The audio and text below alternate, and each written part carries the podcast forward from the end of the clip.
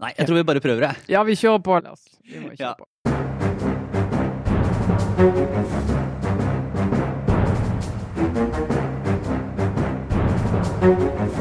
Velkommen til denne ukas store hendelse. Da er vi på plass i studio. Det er fredag, ikke torsdag, av eh, ulike praktiske hensyn. Mm. Her er vi uten Sara Sørheim, vår eh, semifast gjest, fordi hun hadde et eller annet annet å gjøre. Men du er på plass. Trine Eilertsen, god dag, god dag. Absolutt på plass. Tusen takk. Ja, og jeg er her, eh, Lars Glomnes. Eh, Hva skal vi si om denne uka her, da, sånn nyhetsmessig? Nei, det må du fortelle om, for jeg har vært i Berlin. Og jeg driver og flytter, så nå her er det Da får vi de, de lange linjene. Nei da, vi skal snakke litt om, eh, om eh, Norges Banks eh, årsmiddag og talen til Øystein Olsen, sentralbanksjefen.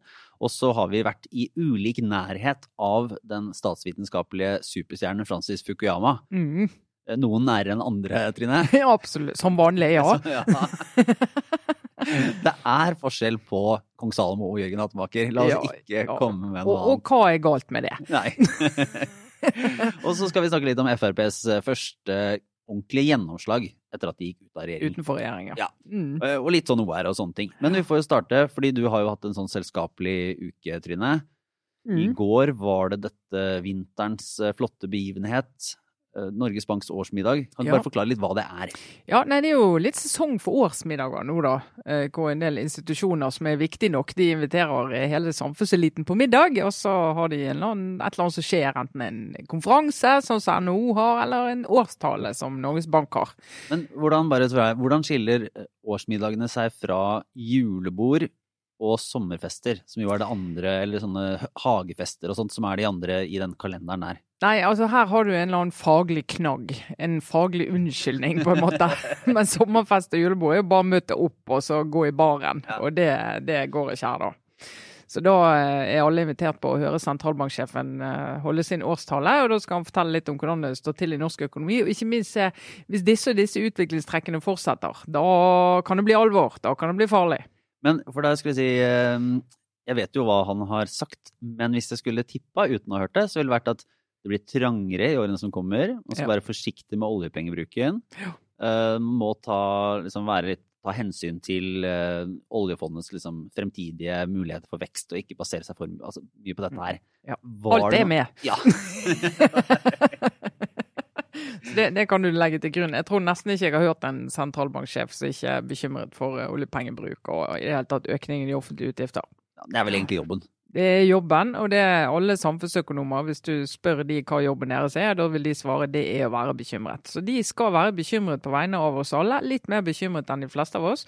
Og så skal politikerne si at nei, men det går bra, vi bruker litt penger, det blir fint det. Ja. ofte har jo de rett òg. Ja, ikke sant. Men et av de som, det som ble oppfattet som eh, et spark, eller i hvert fall en, eh, en liten pekefinger, eh, var jo denne altså, oljepengebruken og den offentlige pengebruken som har vært de siste årene. Mm. Paradoksalt nok i en, under en borgerlig regjering Mhm. med Høyre og Frp, og det fortsetter. Er det Den kritikken kommer jo stadig.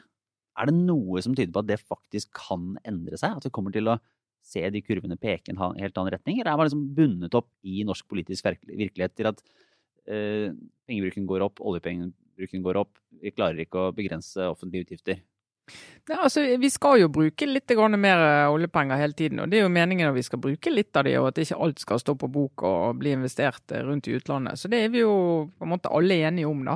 Men så er det jo den diskusjonen hvor mye av det hvor mye av det skal du bruke, hvor raskt skal du fase det inn i økonomien? For vi vet at hver eneste oljekrone du faser inn i økonomien, er nesten umulig å fase ut, for det betyr kutt et eller annet sted. sant? Nå var det vel hver sjette krone på statsbudsjettet kommer fra, fra fondet, og da kan jo folk tenke på alle de landene som ikke har et oljefond, hvor mye de ikke har på statsbudsjettet som vi har. Så vi er jo enormt privilegerte. Men noe av det som jeg syns er og Regjeringen og alle sier jo at ja, nå er det trangere tider, og nå blir det mindre økninger i budsjettene. og og det, det, det blir det nok på en eller annen måte, men i Norge er jo alt jo relativt, da, for hvor vondt og vanskelig det blir. Men noe av det, hvis du ser sånn langsiktig på det, så Høyre Altså en viktig del av Høyre som et konservativt parti sin profil er jo å være nøktern, nøysom, vende hver eneste statlige krone før du bruker den. Må vi bruke denne kronen, eller kan vi la det være? alltid vært et viktig argument, så velgerne også har likt i perioder. sant? Eh, mot venstresiden at dere bruker for mye penger, offentlig sektor blir for stor. Og nå er jo hele grunnlaget for den delen av Høyres profil er jo litt borte. Mm. Rett og slett fordi at de har sittet eh, og holdt i rattet i den perioden hvor oljepengebruken har økt helt massivt. Så går det an å si ja, oljeprisfall og krise og alt det der. Men det er bare det at hver gang vi har en sånn liten krise, så går, vi tar det aldri ned igjen etterpå. Det blir liggende på et høyt nivå. Så Høyre som sånn nøkternt, nøysom, konservativt parti er jo ikke der lenger. Men er det noe Altså hvis høyresida har vist seg om ikke uvillig, så de har heller ikke da evna å begrense dette voldsomt. Selv om man hver, altså hvert år før, før statsbudsjettet kommer, så, og i prosessen, så sier jo, sier jo, ulike rådgivere at nå blir det, neste år blir det tøffere. Nå Mm. kommer det kutt. Vi skal faktisk kutte. Altså er det i veldig, veldig liten grad. Men ser man hvilket, hvilket rom har egentlig venstresida for å gjøre noe med dette, som tradisjonelt sett har villet gi det offentlige en større plass? Mm. Er det, er det å reversere, altså er det å øke skattene? Eller? Hovedsvaret er jo å øke skattene, hvis du skal se sånn helt tabloid på det. sant? Ja. Uh, og si at eh, de skattelettene som regjeringen har, uh, har gitt i perioden, sant? over 20 milliarder kroner, de drar vi inn en god del av de. Arbeiderpartiet kan ikke dra inn alle, for de er en del av et skatteforlik. Men i hvert fall en del milliarder. SV vil jo ta alle, vel.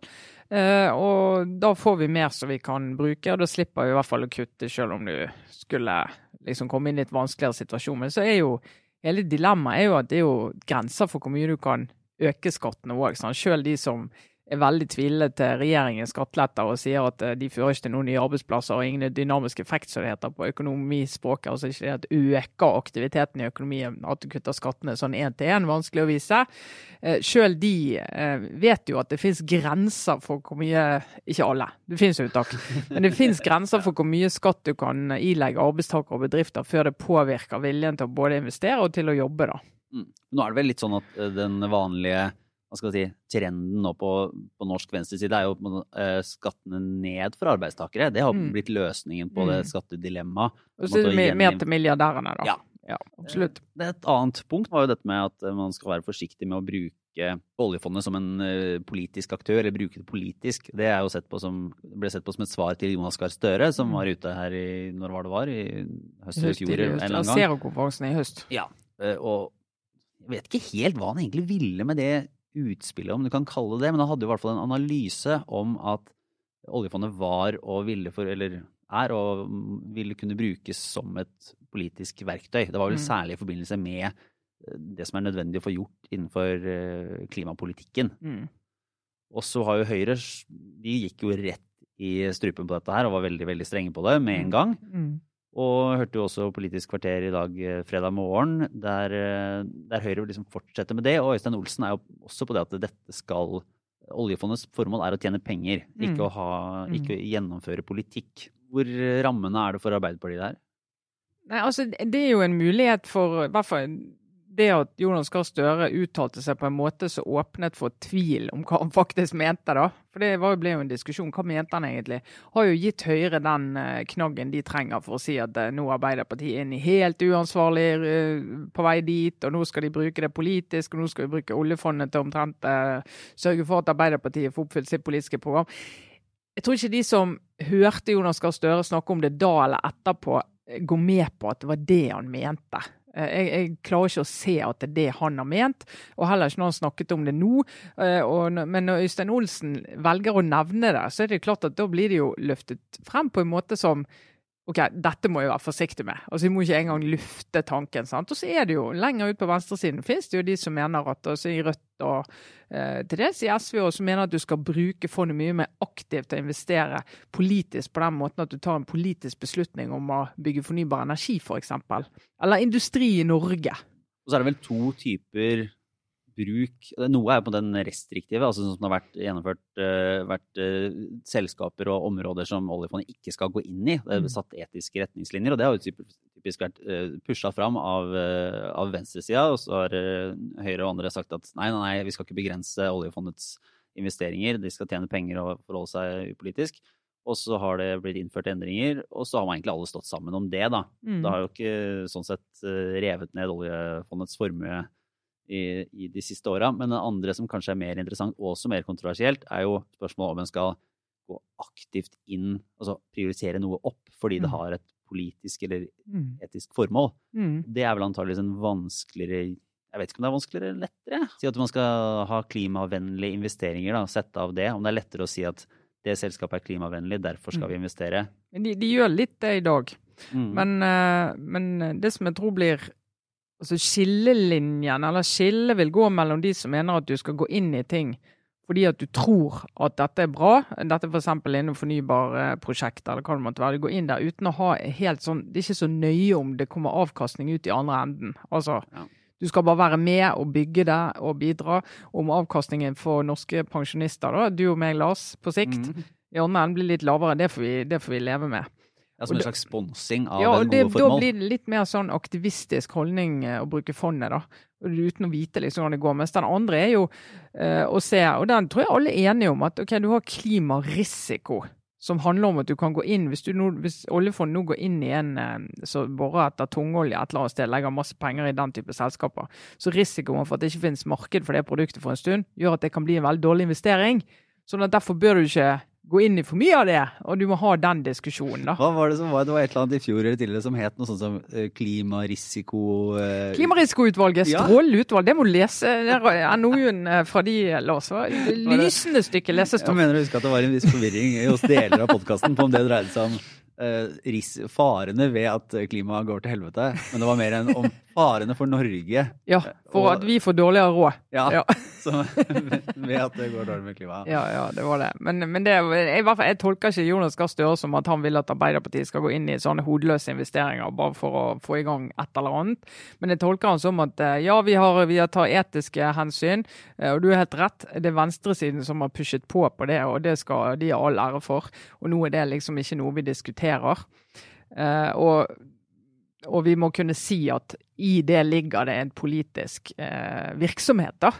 Mm. Men samtidig så kan du jo da spørre, ja, men hvis ikke det er noen forskjell fra det, det er i dag, hvorfor nevner du det på den måten og skaper den usikkerheten som gjør at det blir konfrontert med det hele tiden, da? Er min, min lille teori er at Jonas Gahr Støre av og til drømmer om å være en politisk kommentator. Ja. At han, måte, hans analytiske hode det bare løper litt sånn eh, løpsk eh, av og til, og så ender det opp med å bare slå fast eller si noen ting som man tenker at ja, men sånn må det jo være. Mm. Sånn, dette er jo smart. Eller det er jo en, det er bare en beskrivelse av virkeligheten. Altså Mm. Når du skal plassere eh, 1000 milliarder, så er alt du gjør politisk på et eller annet vis. Fordi du Ja, skal du plassere det der, skal du plassere det et annet sted. Mm. Det har politiske påvirkninger. Men eh, uten at han nødvendigvis mener at det skal være et sånn aktivistisk grep, for det er jo ikke helt Det er ikke så sterkt i Jonas Gahr Støres og Arbeiderpartiets ånd. Nei, altså det var jo eh, han eh, Raymond Johansen som hadde det mest elleville utspillet i høst eh, med tanke på det og mente at eh, oljefondet ikke skulle investere i private velferdsselskaper. Eh, altså såkalte yeah. velferdsprofitører, da. Da tror jeg det var mange av oss som rett og slett datt av stolen og tenkte hallo, men det ble jo parkert ganske raskt fra Arbeiderpartiet sentralt at det er ikke noe de mener. da. Sånn at det er veldig forskjell på hva du legger i at eh, oljefondet er et politisk verktøy. da. Kommer du inn i partiet Rødt, så er det ganske annerledes enn det Arbeiderpartiet mener.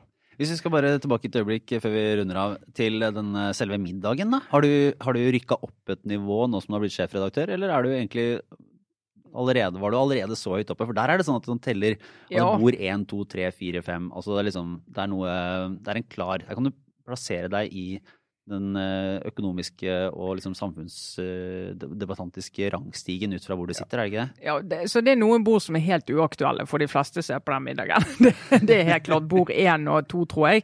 Og de er litt der så, og, eh, og det, det har jo jeg tenkt på, for jeg sitter jo jeg sitter på et par, sitter litt på de samme bordene. Jeg tror ikke jeg har rykket opp noe særlig, nei. Jeg tror ikke det. Jeg satt faktisk ved siden av en jeg har sittet ved siden av før. What are the odds? Veldig hyggelig fyr Trond Grande fra eh, Norges Bank. Bra mann.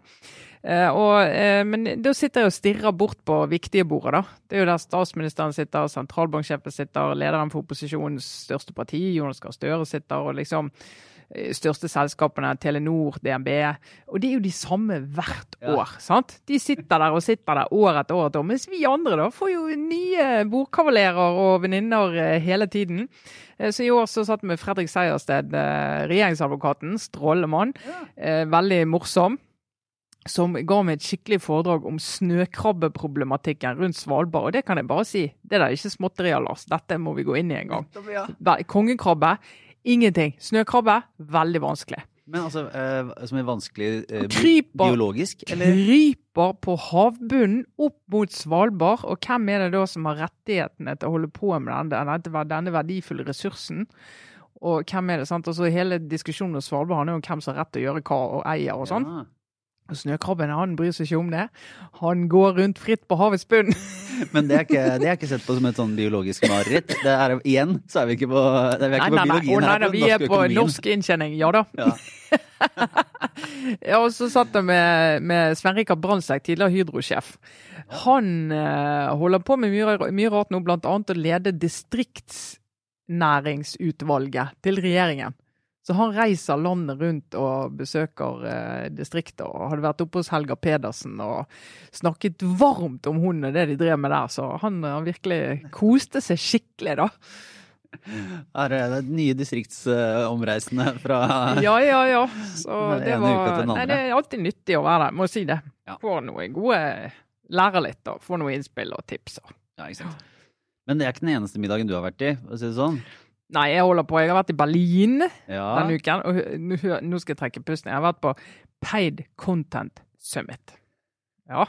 Topp, det betyr altså toppmøte for de som tar betalt for journalistisk innhold her i verden. Ja. Eh, men, det, men det er egentlig veldig fint. Det er Axel Springer-konsernet i Berlin. Som, det er de som eier Bilt, som er en eh, tabloidavis som får VG og Dagbladet til å fremstå som eh, ja, hva skal jeg si, Koranen. og så har du eh, har du eh, Og de eier Welt og ja, litt sånn. Men det er kjempesvært mediekonsern i Tyskland som man liksom inviterer inn eh, New York Times, The Times i London, um, Wall Street Journal, Aftenposten, VG. Uh, mange av de Financial Times uh, og Frankfurt Allgemeine, mange store mediehus i hele verden som driver med betalt innhold. da. Og Det var det fascinerende å høre sjefen for Springer-konsernet. Han er ca. 2,5 meter høy og en stemme som bærer helt til Østerrike. Ja. Stor, sånn eh, lang fyr som brumler eh, og forteller elevene levende om det de driver med. Og jeg tror han har en enorm naturlig autoritet. Det merket du på alle rundt han. Men når han sier det, som eier Bilt, som er en skikkelig tabloidavis, sier de at eh, annonsefinansiert journalistikk, det, det Vi kan ikke lene oss på det. Det går ikke. Det er brukerbetaling. Det er betaling for innhold som gjelder. Så, så da lytter du liksom når han sier det. Og det er jo veldig mange av oss som snakker om det at liksom pga. de store tech-gigantene, Google og Facebook og sånn, all veksten i annonsemarkedet går til de. Absolutt all vekst. Og prisene faller og faller. sånn at Det er en veldig sånn vanskelig modell for oss. Derfor jobber alle, selv de som før var løssalgsaviser og som har levd kun på annonsefinansiert journalistikk i noen år nå, går inn og prøver å ta betalt for innholdet. Og da hele denne, disse to dagene i Berlin handler om at alle vi som driver med det, vi skal dele erfaringer, litt sånn åpent, feil vi har gjort, suksesser vi har hatt. Alle skal få stille spørsmål, litt sånn workshop-aktig. Og det er utrolig kult å høre på liksom Financial Times og New York Times som har kommet så veldig langt, og så si ah, det var en god idé, det kunne vi gjort. Og Det var veldig mye sånn teknisk, hvordan skal vi gjøre det, og prising og sånn. Men min favoritt var jo eh, han israeleren som jobber for et israelsk, eh, hebraisk, en kjempesvært nyhetsnettsted. Så snakket vi om sånne tjenester som de utvikler til Ja, brukerne, er da, som ikke trenger også- nyheter lenger. Skal liksom komme ja, ting masse som tjenester. løser Skal du oppgaver. ha eh, pudderalarm når det har snødd i fjellet, så kan du fint ha i Norge, sant? De har eh, missilvarsel-app. Så, du- så du får et varsel hvis det er en missil på vei til ditt nabolag. Jeg har tatt det videre fra Aftenposten som hadde sånn hull i sykkelveien din. Ja, ja, litt sånn. Så de, der ser du at det, du må tenke lokalt Ja. og løse problemer for folk lokalt. Og så Han mente at det var, det var god tjeneste, da, men de kunne ikke godt ha betalt for den. Så, så den måtte de gi, gi vekk, da. Ja. Ja da. Men eh, her hjemme så har det vært, eh, som nevnt, eh, storfint besøk da, for statsvitenskapsnerder og andre. Ja. Også den eh, amerikanske forskeren Francis Fukuyama, Ja. som har holdt på i en årrekke. Han var invitert av Civita og hadde blant annet et sånn frokostmøte der, som jeg var på. Veldig spennende, veldig flink, flink fyr. Veldig god formidler. Veldig god formidler. Det er jo sånne frokostmøter. Da er det jo ofte så er det jo en litt sånn eh, ideologisk gråstengt eh, gruppe eh, som kommer litt sånn ut fra, fra hvem de heier på, hva det være. Eh, Fukuyama han drar fra alle, alle partier. Mm. Alle som eh, Både venstre og høyre side ville komme og høre hans liksom, gjennomgang. Han har skrevet en ny bok om identitetspolitikk og liksom hvordan han ser på, ser på verden, egentlig. For øvrig, de som kom dit og trodde at du skulle få et sånn angrep på For han har jo vært en, eh, hva skal jeg si, sånn eh, nykonservativ, eh, økonomisk liberal Ja, han Forsker var støttespiller, kan du si, til første Bush-presidentskap, altså faren til siste Bush. Eh, og var vel regnet som en del av neocon-bevegelsen, men tok jo et voldsomt oppgjør med de i forbindelse med Irak-krigen.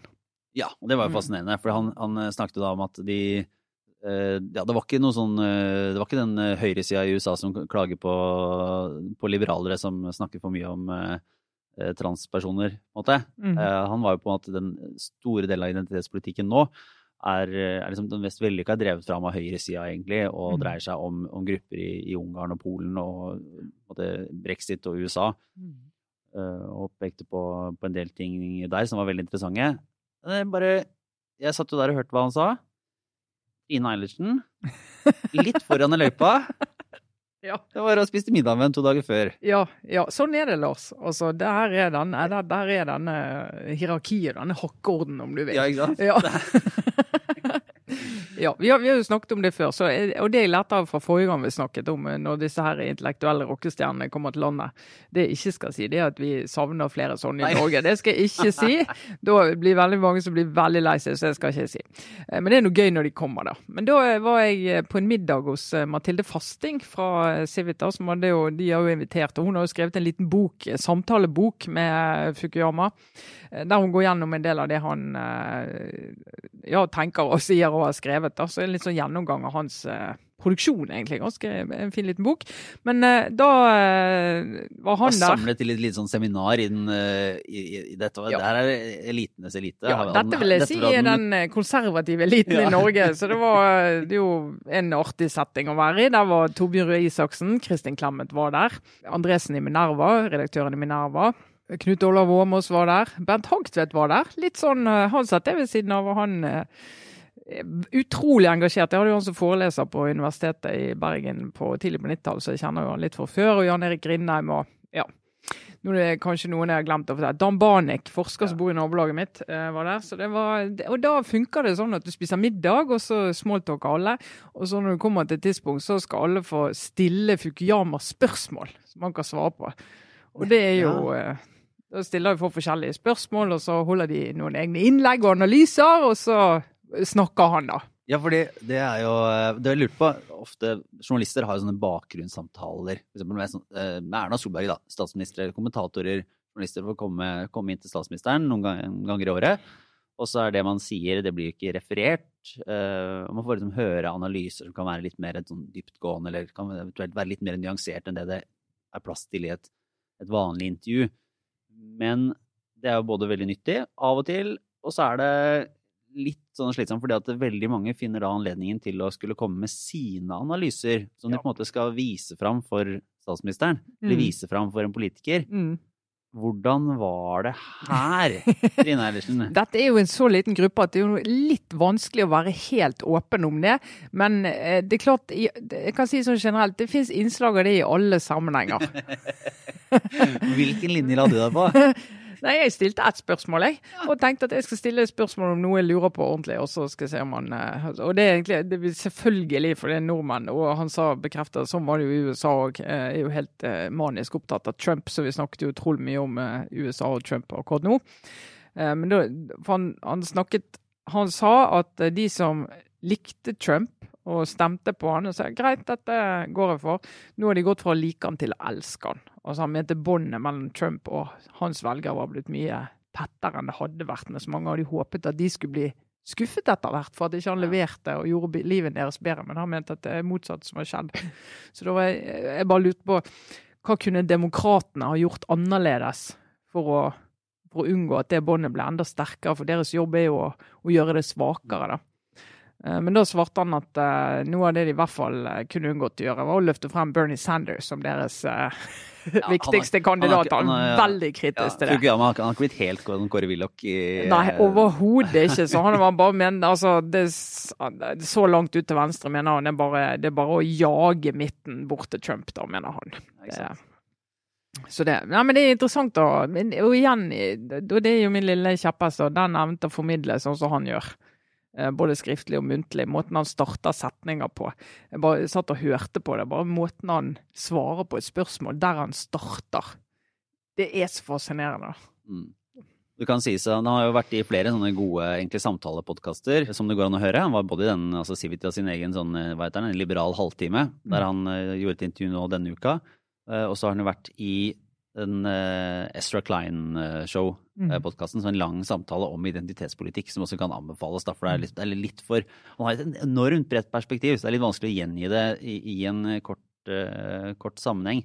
Det jeg kanskje lurte på, som jeg syns ville vært interessant å høre enda mer om, er jo det han sier om at identitetspolitikken på en måte Han sier i hvert fall indirekte er liksom vunnet av høyresida. Man har Mhm. fått til en, en uh, identitetspolitikk som handler om, om eh, enten det er etnisitet eller en nasjon, der de liberale eller venstresida ikke klarer å samle seg om en identitet som gir seg utslag i makt. Mm. man kan samle seg om en, eh, om en liten gruppe og ta, ta opp deres rettigheter og, og kjempe en rettighetskamp. Men f.eks. det overnasjonale i et EU har ikke klart å skape en identitet som er sterk nok til å konkurrere med en, en faktisk nasjonalisme. Men du, apropos Ja. det kom jeg til på. I går hadde jeg snakket med det folk i går. Du, Venstre kommer til å bli et ja til EU-parti. Ja. De skal ha landsmøte.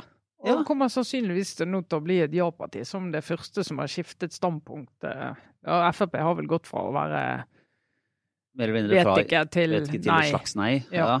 Men eh, Venstre har jo, vært, har jo hatt veldig vonde kamper. De ble jo splittet eh, forrige i 72-avstemningen. Da ble jo partiet delt i to. 94 var vanskelig, men de var nå veldig rart for et parti som Venstre å være på nei-siden nå. Det har veldig mange i Venstre tatt inn over seg. Så nå er det masse fylkesomsmøter forrige helg, og det går altså en ja-vind over det lille liberale partiet. Når, når du tror Venstre ikke kan finne på noe mer som uh, skiller dem fra, Ja, men det, fra he- det er helt riktig. For alle måter de argumenterer med klima, overnasjonalt fellesskap, liberale demokratier, altså liksom samarbeid om de store spørsmålene, løse integrerings- og migrasjonsutfordringen sammen. Alt havner jo i et ja til EU. Så det er så rart hvis du argumenterer sånn som Venstre gjør, og så sier de men EU, det er vi skeptiske til. Så det, men partilederen er visst fremdeles eh, nei til EU. Men eh, partiet, etter sigende, de jeg snakket med i Venstre i går, de eh, mente at og, det går mot ja. og hvis noen skulle være i tvil, så er det kan tippe at de var på grasrota i Venstre. Ja, for det, det kan tippe at de er i regjering. Ja.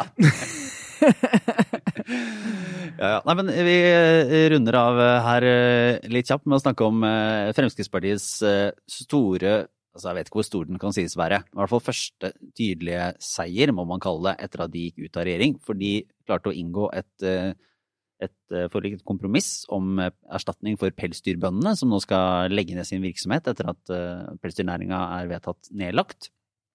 Der de i lang tid vel har sittet på innsiden og prøve å komme til en enighet med regjeringspartiene. Nå gikk de ut, og da kom trusselen fra Arbeiderpartiet og Senterpartiet. Og på en måte, de ville jo hente, ville hente Frp til, et storting, altså til at Stortinget skulle komme med et vedtak Mm. som bandt opp regjeringa. Mm. Uh, før regjeringen ble enig med Frp om å endre sitt system og finne en løsning som er omtrent anslagsvis dobbelt så dyrt, selv om ikke Ja. noen har et ordentlig regnestykke. Ja, mye, mye bedre kompensasjon til de som må slutte med pelsdyravl. Ja. Er det jo. Det har jo de bedt om eh, siden det vedtaket kom, eller siden den eh, regjeringen sa at det skal vi jobbe for. Så de er jo kjempehappy, men det er klart for, eh, for regjeringen så er det jo OK. Det er her vi er. Skal vi klare å, at Frp ikke finner sammen med de andre opposisjonspartiene, kommer til å koste. Apropos høye og dyre budsjetter. Ja. Det viser jo at uh, Frp det, dette vil, Det vil jo dukke opp problemer for Fremskrittspartiet også, men her var det jo en situasjon der de faktisk kunne bruke makta si utafor regjering til å få til noe mer enn det de fikk til i regjering. Ja, og det er egentlig sånn drømmecase for Frp frem mot valget i 2021. Hvis de kan få noen sånne så de kan si 'vi sørget for', så kan opposisjonen si ja, men herregud, dere var jo på innsiden og bestemte at det skulle skje, og så skal dere rette opp i det på utsiden. Men jeg tror faktisk velgerne hører tydeligere det første enn det siste. Kunne ikke regjeringa bare sagt nei? Eller altså, hvordan regjeringa ville jo Hadde de noe valg? De kunne jo bare sagt nei, ja, finn sammen, eventuelt. Prisen hadde blitt omtrent den samme. De hadde endt opp med en ting. Så får du et eh, pålegg fra Stortinget, og det ser jo aldri fint ut. Nei. Nei. Det funker da, å sitte utafor. Ja, det er hysj. ja, altså får vi jo se. Men for å med en liten obligatorisk refleksjon, Ellersen. Ja, jeg kan komme med en anbefaling, jeg. Ja. Jeg har, eh, siden jeg har vært litt på reise, så sitter jeg og hører podkast på disse transportetappene. Og da har jeg eh, plukket opp en som heter The, The Other Latif på, på um, Radiolab, som har uh, lagt ut den. En, jeg lurer på om det skal være i åtte episoder, men det kommer to. Og det, handler, det er også en programleder som heter Latif Nasser, eh, som har funnet at han har én navnebror på hele kloden. Eh, og denne navnebroren sitter i Guantánamo. Eh, og så har han begynt å gå opp historien til han herre som sitter på Guantánamo. Og det viser seg at han egentlig var klar for å bli eh, frigjort fra Guantánamo sånn høsten 2016. For Obama han ville jo avvikle Guantánamo. Eh, de regner jo at hver fengselsplass der koster 13 millioner dollar. Det er, helt, ja, det er, det er altså så dyrt. Det er så dyrt. Og det er bare 2040 fanger eller noe sånt, men det er ekstremt dyrt. Det er verdens dyreste fengsel. Så de har vært opptatt av De må liksom jo få ut disse fangene, og så de har noen runder med de, og for, er det mulig at du kan gå ut der uten å fortsette å være terrorist? Er det mulig at du kanskje ikke gjorde noe som var så alvorlig at du bør sitte her i 30 år? Altså gå gjennom sak for sak individuelt.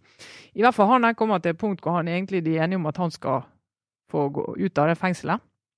Og akkurat da blir Trump altså president, og så sier han eh, ingen skal ut av Guantánamo. Bang smell. Så han kommer aldri ut.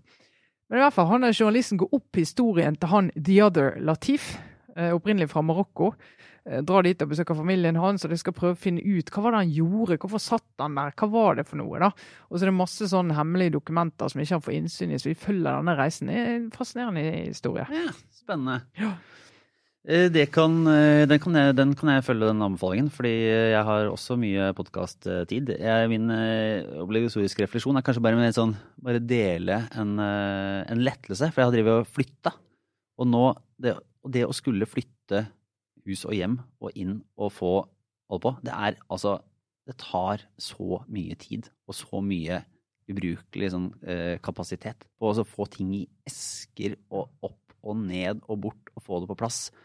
Så skal jeg bare feire at i dag, nå er den prosessen over. All right! Nå har jeg gått inn i rekkehuslivet, og dit kommer jeg forhåpentligvis aldri ut av. Aldri ut før du bæres ut.